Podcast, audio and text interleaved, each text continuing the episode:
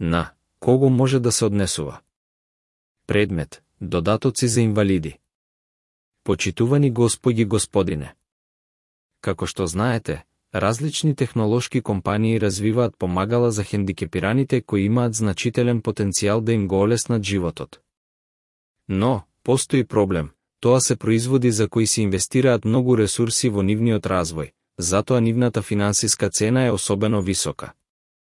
Инвалидите, како мене на пример, често не можат да платат за високата цена на овие производи. Затоа ги повикувам сите што имаат креативни идеи да го решат проблемот да ми пишат за тоа. Со почит. Асав Бењамини